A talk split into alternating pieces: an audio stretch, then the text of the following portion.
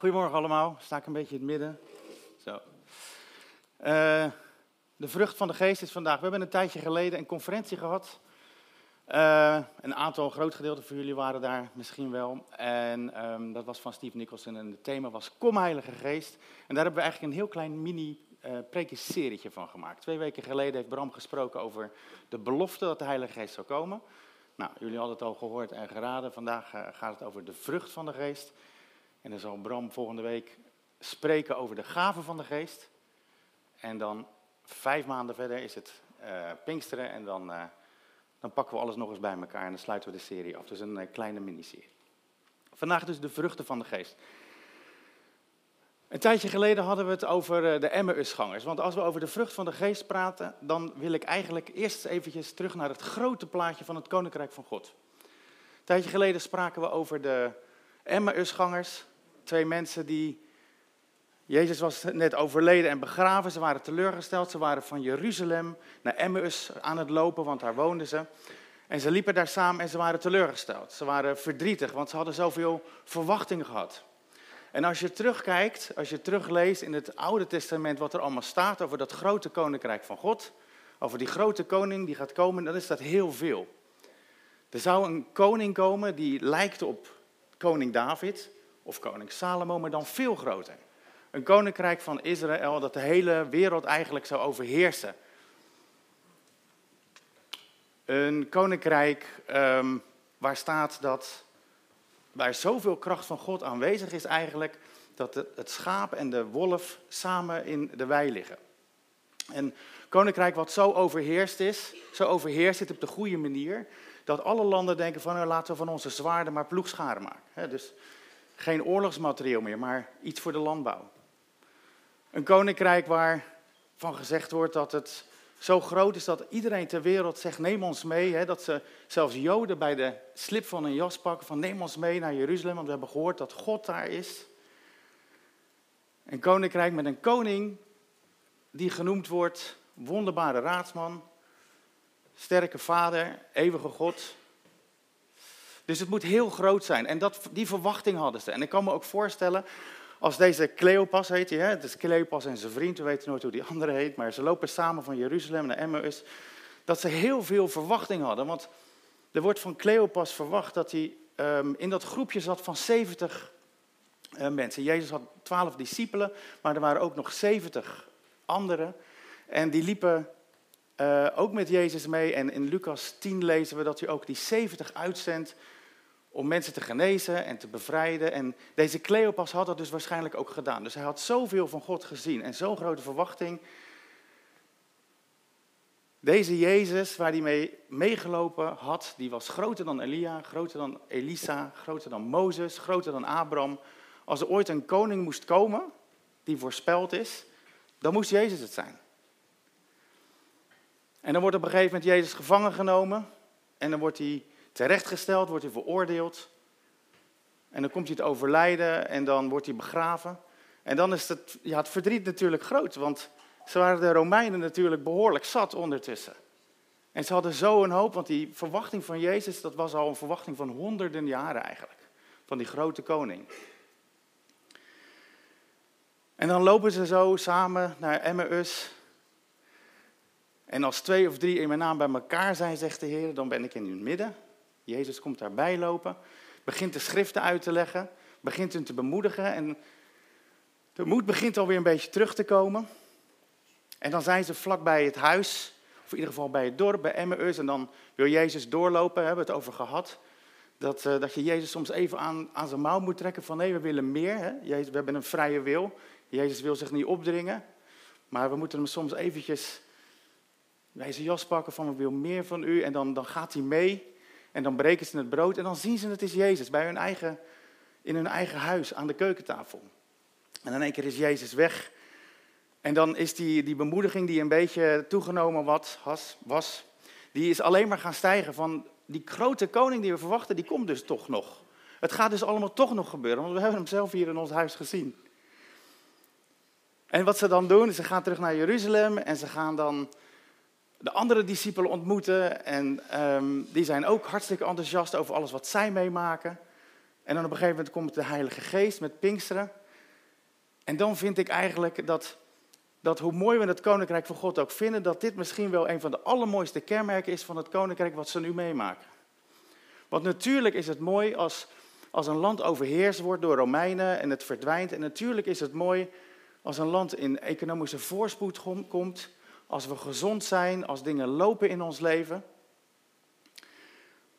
Maar Jezus vindt het eigenlijk niet goed genoeg als er vrede en voorspoed is in ons leven, terwijl we ons niet geliefd voelen.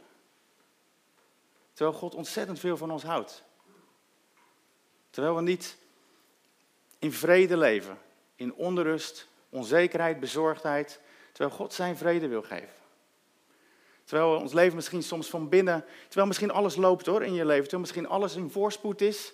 Misschien sta je op Insta en heb je heel veel volgers. Misschien loopt alles op rolletjes, maar van binnen is je leven misschien grijs en grauw. Terwijl God een leven voor je heeft van blijdschap.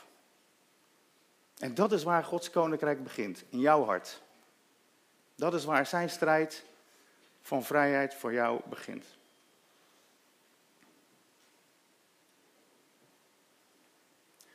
God heeft ons een, zoals Bram al zei twee weken geleden, heeft ons een nieuw hart gegeven en een nieuw geest. Met Pinksteren we ontvangen ook de Heilige Geest en de Heilige Geest wil dat nieuwe hart samen met ons, hij zal het niet dwingen, maar samen met ons wil hij dat gaan uitwerken. Prachtig. Als we nadenken over de vrucht van de geest, dan wordt er altijd een stuk gelezen uit Gelaten 5 en dat uh, gaan we ook doen. Dus God bouwt zijn koninkrijk vanuit je hart, dat is het eerste wat ik wilde zeggen. Ik heb drie puntjes, maar wat is de vrucht? Laten we Gelaten 5 lezen.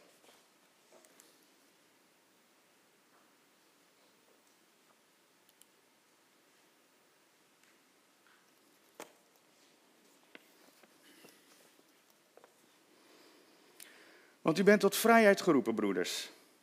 Alleen niet tot die vrijheid die aanleiding geeft aan het vlees, maar dien elkaar door de liefde. Want de hele wet wordt in één woord vervuld, namelijk hierin: U zult uw naaste liefhebben als uzelf. Maar als u elkaar bijt en verslindt, pas dan op dat u niet door elkaar verteerd wordt. Maar ik zeg u, wandel door de geest en u zult zeker de begeerte van het vlees niet volbrengen. Want het vlees begeert tegen de geest in en de geest tegen het vlees in. Is interessant hè, die tegenstelling. Want het vlees begeert tegen de geest in en de geest tegen het vlees in. Die twee staan, die staan tegenover elkaar. Zodat u niet doet wat u zou willen. Als u echter door de geest geleid wordt, bent u niet onder de wet. Het is bekend wat de werken van het vlees zijn Namelijk overspel, hoererij, onreinheid, losbandigheid, afgoderij, toverij, vriendschappen, ruzie, afgunst. Ben ik er een vergeten? Oh, die hoort er niet bij. Afgoderij, jullie zitten goed op te letten trouwens. Toverij, vijandschappen. Ruzie, afgunst, woedeuitbarstingen, egoïsme, oneenigheid, afwijkingen in de leer, jaloersheid, moord, dronkenschap, zwelgpartijen en dergelijke. Waarvan ik u voor zeg, zoals ik al eerder gezegd heb, dat wie zulke dingen doen, het koninkrijk van God niet zullen beërven. Dan komen ze, de vrucht van de geest is echter liefde, blijdschap, vrede, geduld, vriendelijkheid, goedheid, geloof, zachtmoedigheid, zelfbeheersing. Daartegen richt de wet zich niet. Maar wie van Christus zijn, hebben het vlees met zijn hartstochten en begeerten gekruisigd. Als wij door de geest leven, laten wij dan ook door de geest wandelen. Laten wij geen mensen met eigendunk worden, elkaar niet uitdagen en benijden.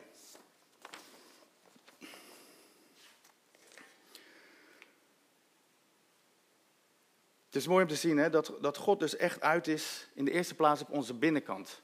We kunnen zo voorspoedig leven en veel mensen zullen ook van je denken, misschien die leeft goed en die heeft het naar zijn zin en alles loopt, terwijl het van binnen nog niet op orde is. En dat is Gods verlangen, dat we van binnen mensen van vrede, liefde, blijdschap zijn enzovoort.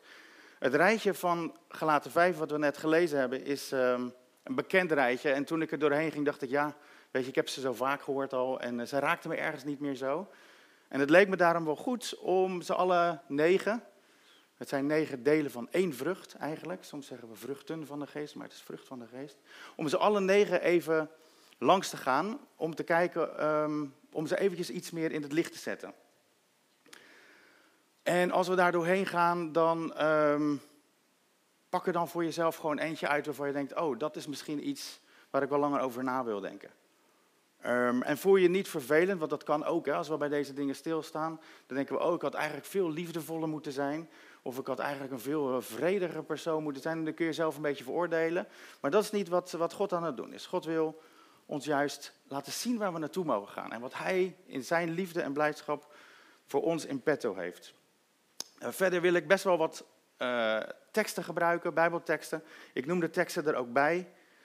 En dat is misschien makkelijk als je denkt van, hé, hey, dat, dat spreekt me aan, dan weet je ook waar je het kunt vinden. Ik ga er wel relatief snel doorheen, ook want het zijn er negen. En zo lang uh, spreken we eigenlijk nooit. Dus we beginnen met uh, de eerste. Dat waren ze alle negen. We beginnen met de liefde. En dat is natuurlijk de kern. Dat is waar het begint. God is liefde. Dat staat er letterlijk in Johannes 4. God is liefde. En als God zijn geest geeft in ons en zijn heilige geest komt in ons, dan is het eerste wat hij gaat doen, is ons mensen van liefde maken. Mensen maken die ervaren en zeker weten dat God van ons houdt. En in staat zijn om andere mensen dat ook te geven, dat door te geven. En wat goed is om te weten, dat die liefde niet uit onze ziel komt. Dus het is niet iets waar we heel erg ons best voor moeten doen. We moeten er wel voor kiezen. Maar Romeinen 5 zegt dat God zijn geest in ons hart heeft uitgestort. Dus het komt eerst naar ons toe. En vanuit die goddelijke, bovennatuurlijke liefde mogen wij het aan andere mensen uitdelen. En Johannes 4 zegt, uh, God heeft ons lief gehad. En daarom kunnen wij elkaar lief hebben.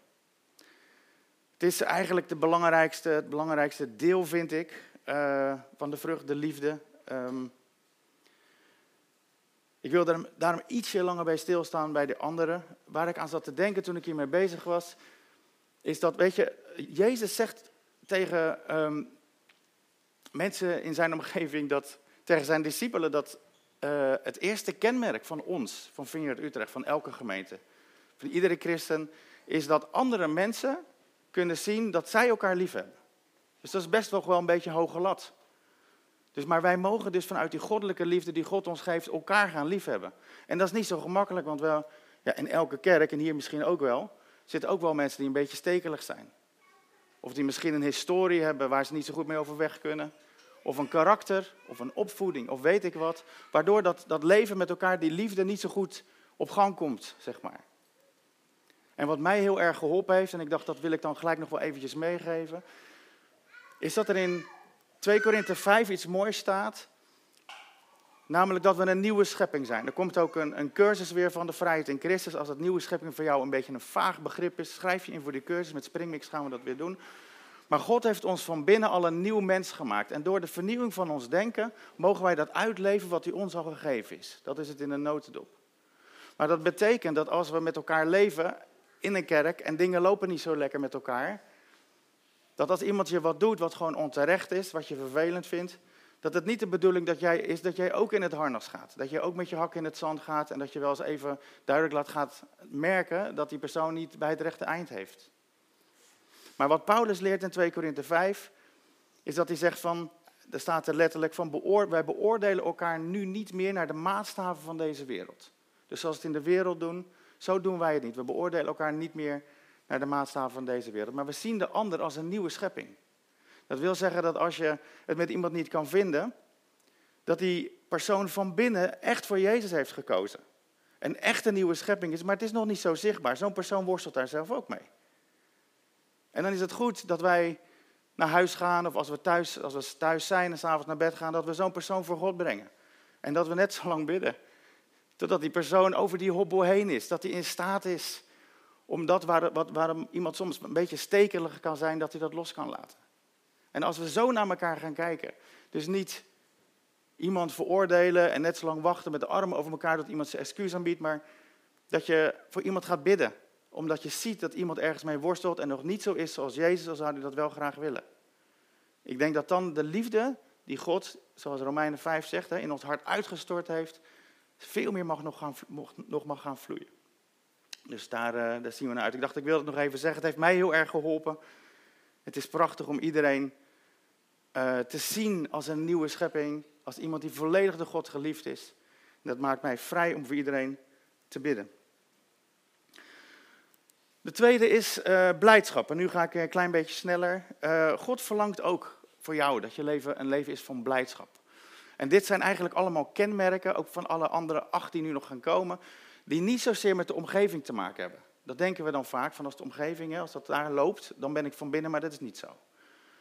Als we kijken naar Paulus bijvoorbeeld, die heeft best wel veel ellende meegemaakt in zijn uh, uh, zendingsreizen. En dan staat er in 2 Korinthe 7 dat hij zegt, in al mijn ellende word ik overweldigd door vreugde. Dus net als die liefde die we van God krijgen, is er ook blijdschap van God die die bovennatuurlijk aan ons geeft. En daar mogen we in leven, in die blijdschap, ongeacht onze omstandigheden. In Nehemia 8 staat ook een mooie tekst daarover, waarbij het volk Israël, die is in ballingschap geweest, dat weten we natuurlijk allemaal wel, en op een gegeven moment zijn ze terug en dan gaat uh, Ezra, die gaat de, de wet oplezen en dan hoort het volk Israël, die hoort de wet en denken, oh mensen, we hebben het echt niet goed gedaan en we zijn zo niet goed genoeg voor God. En dan huilen ze met z'n allen. En dan zegt Nehemia iets moois, dat hij zegt van, uh, stop met huilen, uh, de, de, de strength, the joy of, joy of the Lord is your strength, of de, de blijdschap van God, de blijdschap van het leven met God, hoe God naar jou kijkt, wat God voor jou in petto heeft, wat, hij met jou wil gaan doen, dat is jouw kracht. En als we zo met deze dingen bezig zijn en we denken hierover na en je, je voelt je misschien een beetje veroordeeld van, oh ik had nog meer zus willen zijn, ik had nog meer zo willen zijn, dan denk ik dat God ook wel vandaag tegen je zegt van, het gaat er mij niet zo om of je struikelt en waar je struikelt, maar blijf in mijn blijdschap en zie uit naar waar ik met jou naartoe wil. De derde is de, de vrede.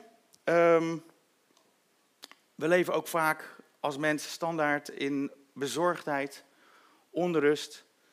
Uh, maar God heeft voor ons een vrede. En ook die, boven, die vrede, eigenlijk alle negen delen hè, die we hier bespreken, zijn allemaal boven natuurlijk. Filippenzen 4 zegt, um, hij wil ons vrede geven die alle verstand te boven gaat.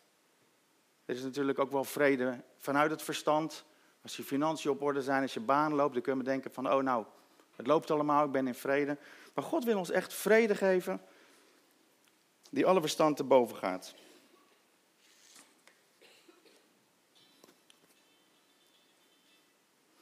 Vervolgens gaan we naar geduld. Dat is nummer vier. Uh, en um, dat is natuurlijk iets wat we ook uh, niet altijd zo gemakkelijk vinden. Zeker als, we met, als mensen met elkaar omgaan. We hebben soms geduld nodig.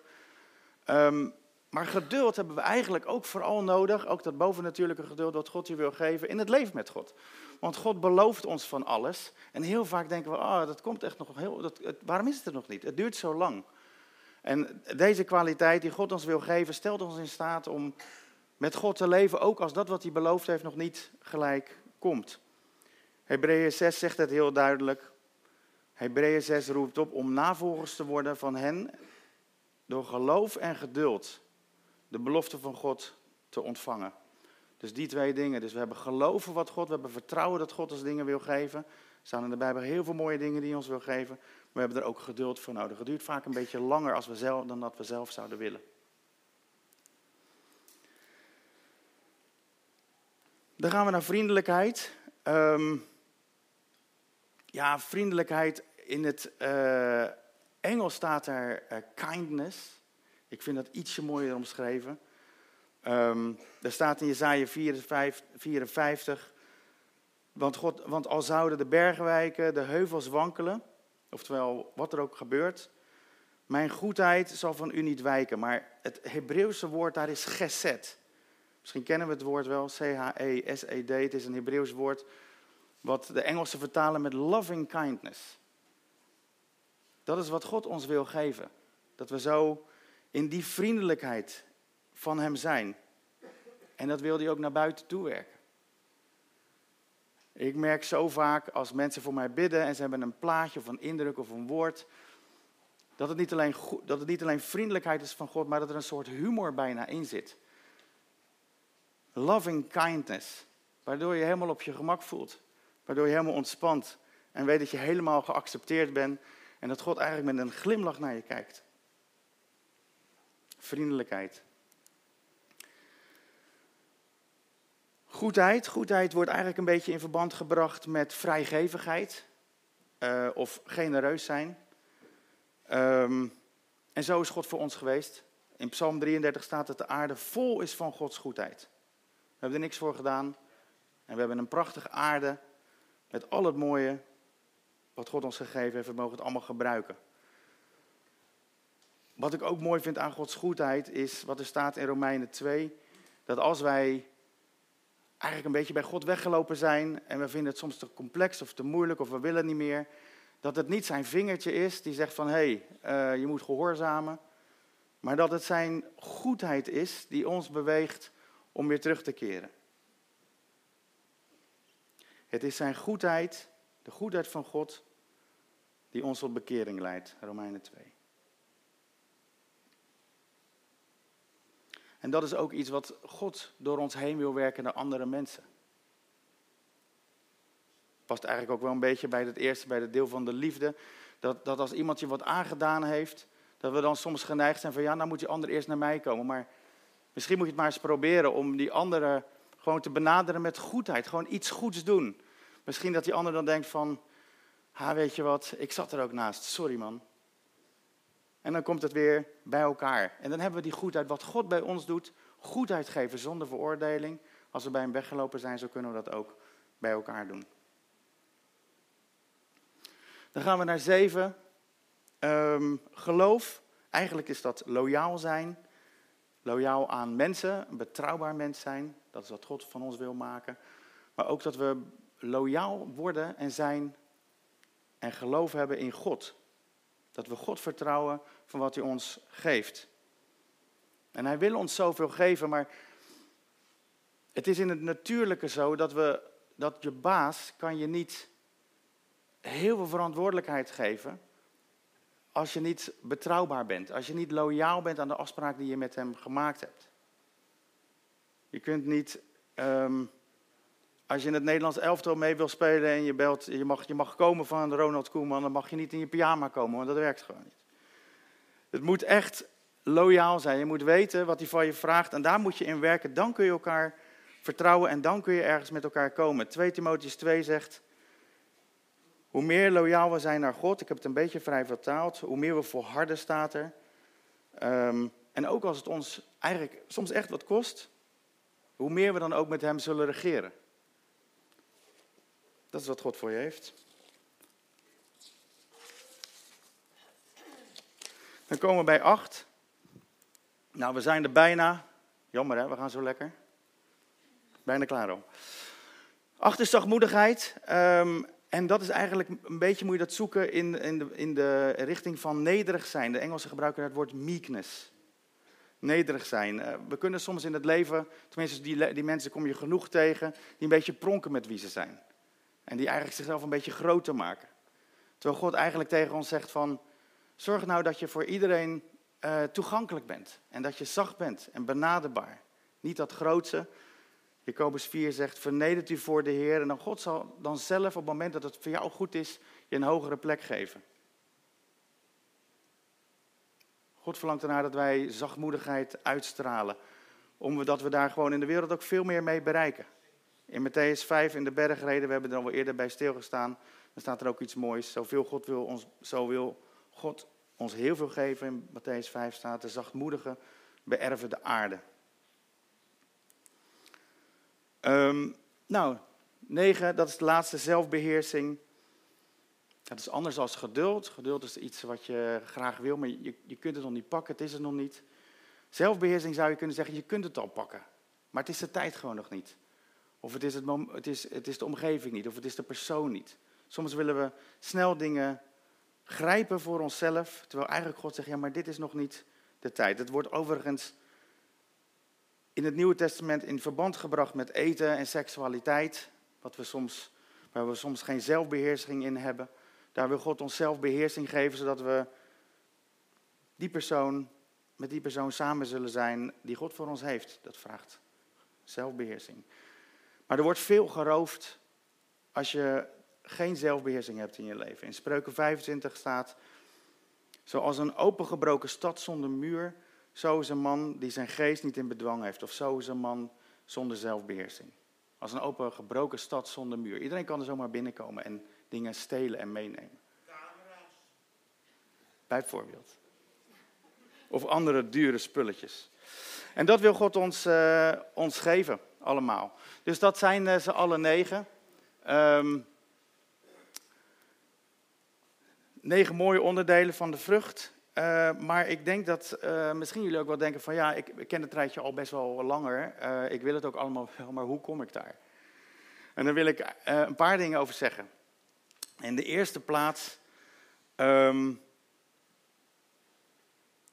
denk ik dat het belangrijk is dat, je, dat we weten dat alles wat God ons geeft uit genade komt.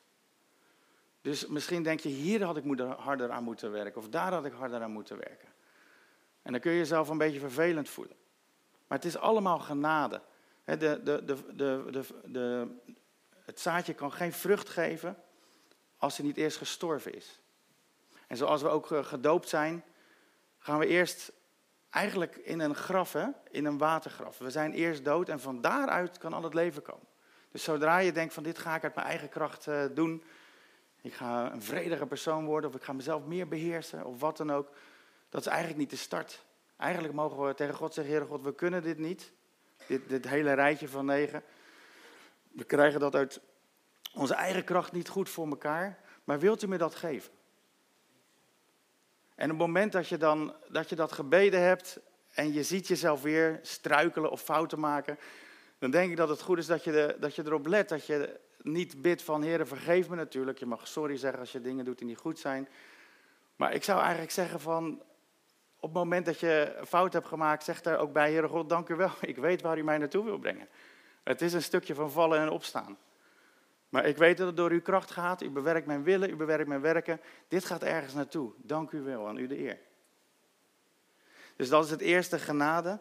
En dan het tweede wat ik wil zeggen is van wat kan jij nou doen? Wat zou, wat zou dan, hè, als het dan door God gegeven is, wat vraagt hij dan nog van jou? En ik denk dat God van ons vraagt om bij hem te blijven. Er staat een mooie tekst in Johannes 15. Die zegt, ik ben de wijnstok, u bent de ranke, wie in mij blijft en ik in hem, die draagt veel vrucht. Dus het is zo belangrijk dat we dicht bij God blijven. En ik denk dat, um, dat, dat, dat het goed is dat als je s'morgens opstaat, en er komt van alles op je af, van alles wat moet gebeuren en alles wat mensen van je vinden of wat dan ook, dat je echt tijd neemt Misschien is dat voor jou een kwartiertje, misschien is dat voor jou een half uurtje. Om bij God te zijn. En zijn waarheid over jezelf uit te spreken. Tot hem te spreken, gewoon bij Jezus te zijn. Misschien een lied te zingen, misschien een tijdje in tongen te spreken. Uh, en vooral ook een stuk uit zijn woord lezen. En te kijken wat God in zijn woord voor jou oplicht. Of wat God tegen jou zegt als je aan het bidden bent. Want heel vaak bepaalt de Heilige Geest ons ergens bij. En dat is waar de leiding van de Heilige Geest, waar Paulus over spreekt, heel vaak begint. Er ontstaat iets, je leest iets in, de, in, in Gods woord, in de Bijbel, en je wordt daardoor geraakt en denkt, hé, hey, dat lijkt wel of dat precies voor mij is. En dat is dat ene waarvan God zegt, nou daar gaan we vandaag, of van de komende tijd, aan werken. En, en daar is dan ook kracht, daar is de, dan ook een weg dat voor jou voorbereid is, om, om dat deel, dat stukje in jou te veranderen naar het beeld van Christus.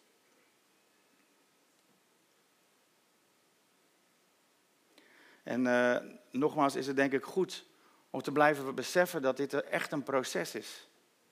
We zijn er echt niet zomaar. Een appelboom, het gaat over vruchten of een, een wijnstok, die heeft niet zomaar appels of druiven. Dat duurt een tijdje. Dus we mogen gewoon al vallend en opstaand, weer opstaand onderweg zijn en uitzien naar wat God in ons wil uitwerken.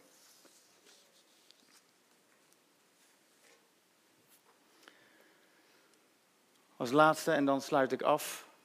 Dus het tweede, eerste wat ik wilde zeggen, hij bouwt zijn koninkrijk vanuit je hart. God zal je leiden. Oh ja, dat is natuurlijk een hele belangrijke ook, hè, dat we wat God dan tegen ons zegt in de ochtend, waar de Heilige Geest eigenlijk zijn vinger bij legt, dat je dat ook gaat doen. Dat je een stap gaat zetten. Dat je erin mee gaat bewegen met wat hij op dat moment in jou begonnen is. Want dat spreekt nou, Jacobus natuurlijk duidelijk uit dat als we het wel horen, als we wel zijn woord lezen of het idee hebben dat God wat tegen ons zegt en we denken erover na, we mediteren erover wat allemaal heel goed is, maar als het daarbij blijft, dan komt het nooit tot bloei. Wij mogen op dat moment zeggen van nou, dit ene dingetje, dit vraagt God van mij, hij is hierbij, hij wilde met mij gaan doen, hier ga ik stappen in zetten. En dat is een proces van je hoort iets en dan ga je het doen en dan gaat God iets nieuws tegen je zeggen. Dan ga je dat weer doen, dan gaat hij weer iets nieuws zeggen. En dan brengt hij je daar waar hij jou graag wil hebben.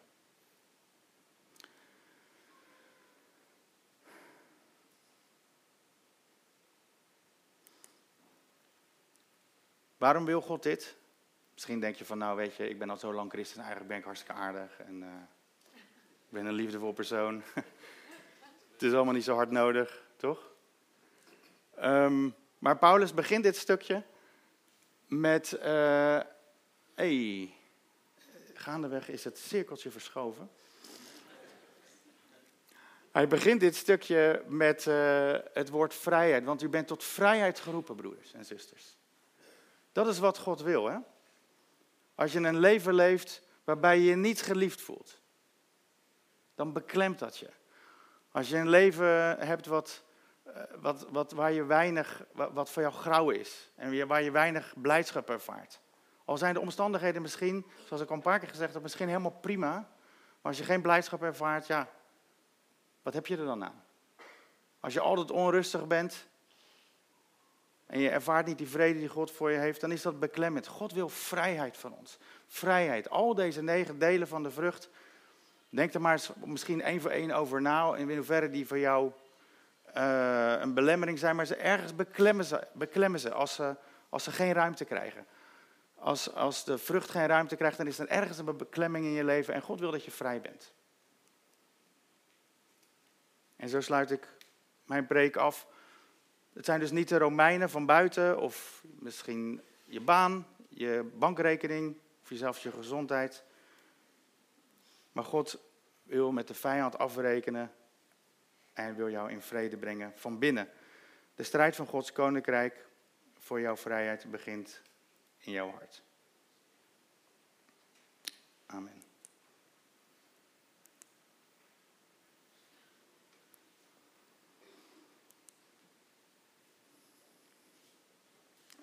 En dit is dan ook de call to action die we vandaag hebben. Dat God wil je echt in vrijheid brengen. God wil de gave van de geest, waar Bram volgende week over gaat spreken, ingebed zijn in die, in die vrucht van de geest, wat God in je leven doet. Hij wil je rijkdom geven, hij wil je gebruiken in zijn koninkrijk. Hij wil je totale vrijheid geven. En de vraag is uh, vandaag van, uh, wat wil jij? Dus laten we bidden en dan wil ik vragen of Martijn terug wil komen. Vader God, wat bent u geweldig goed voor ons. Heer, dat we ook uit mogen zien naar een, een koning die alle ellende in de wereld een keer zal beëindigen. Waar uw goedheid en aanwezigheid over de hele aarde zal zijn. Dat u een God bent vol liefde en vrede, maar dat u in de eerste plaats wil dat wij door u geliefd zijn. Dat we dat voelen, dat we dat ervaren, dat we daaruit leven. Dat we in vrede leven, ondanks alle onvrede om ons heen. Dat we in blijdschap leven, ook als de omstandigheden niet meewerken. Als we bij u zijn, Heere God, en als we met u leven, wilt u ons een onrijde, oneindig rijk leven geven van binnen en ook van buiten. Dank u, Vader, dat, uh, dat u dat ons wilt geven en dat u zo'n oneindig goed hart heeft voor ons. Heer, zegen ons als we straks misschien gebed krijgen, of als we naar huis gaan, of als we in de triades zijn of in de huisgroep. Heer, uh, spreek tot ons, waar u ons verder kunt brengen naar dat beeld van Christus. Daar waar we beklemd zijn en het soms zelf niet doorhebben. Vader, wilt u ook, ook nu op dit moment komen en iedereen iets op het hart leggen. Waardoor iemand meer in vrijheid komt. Amen.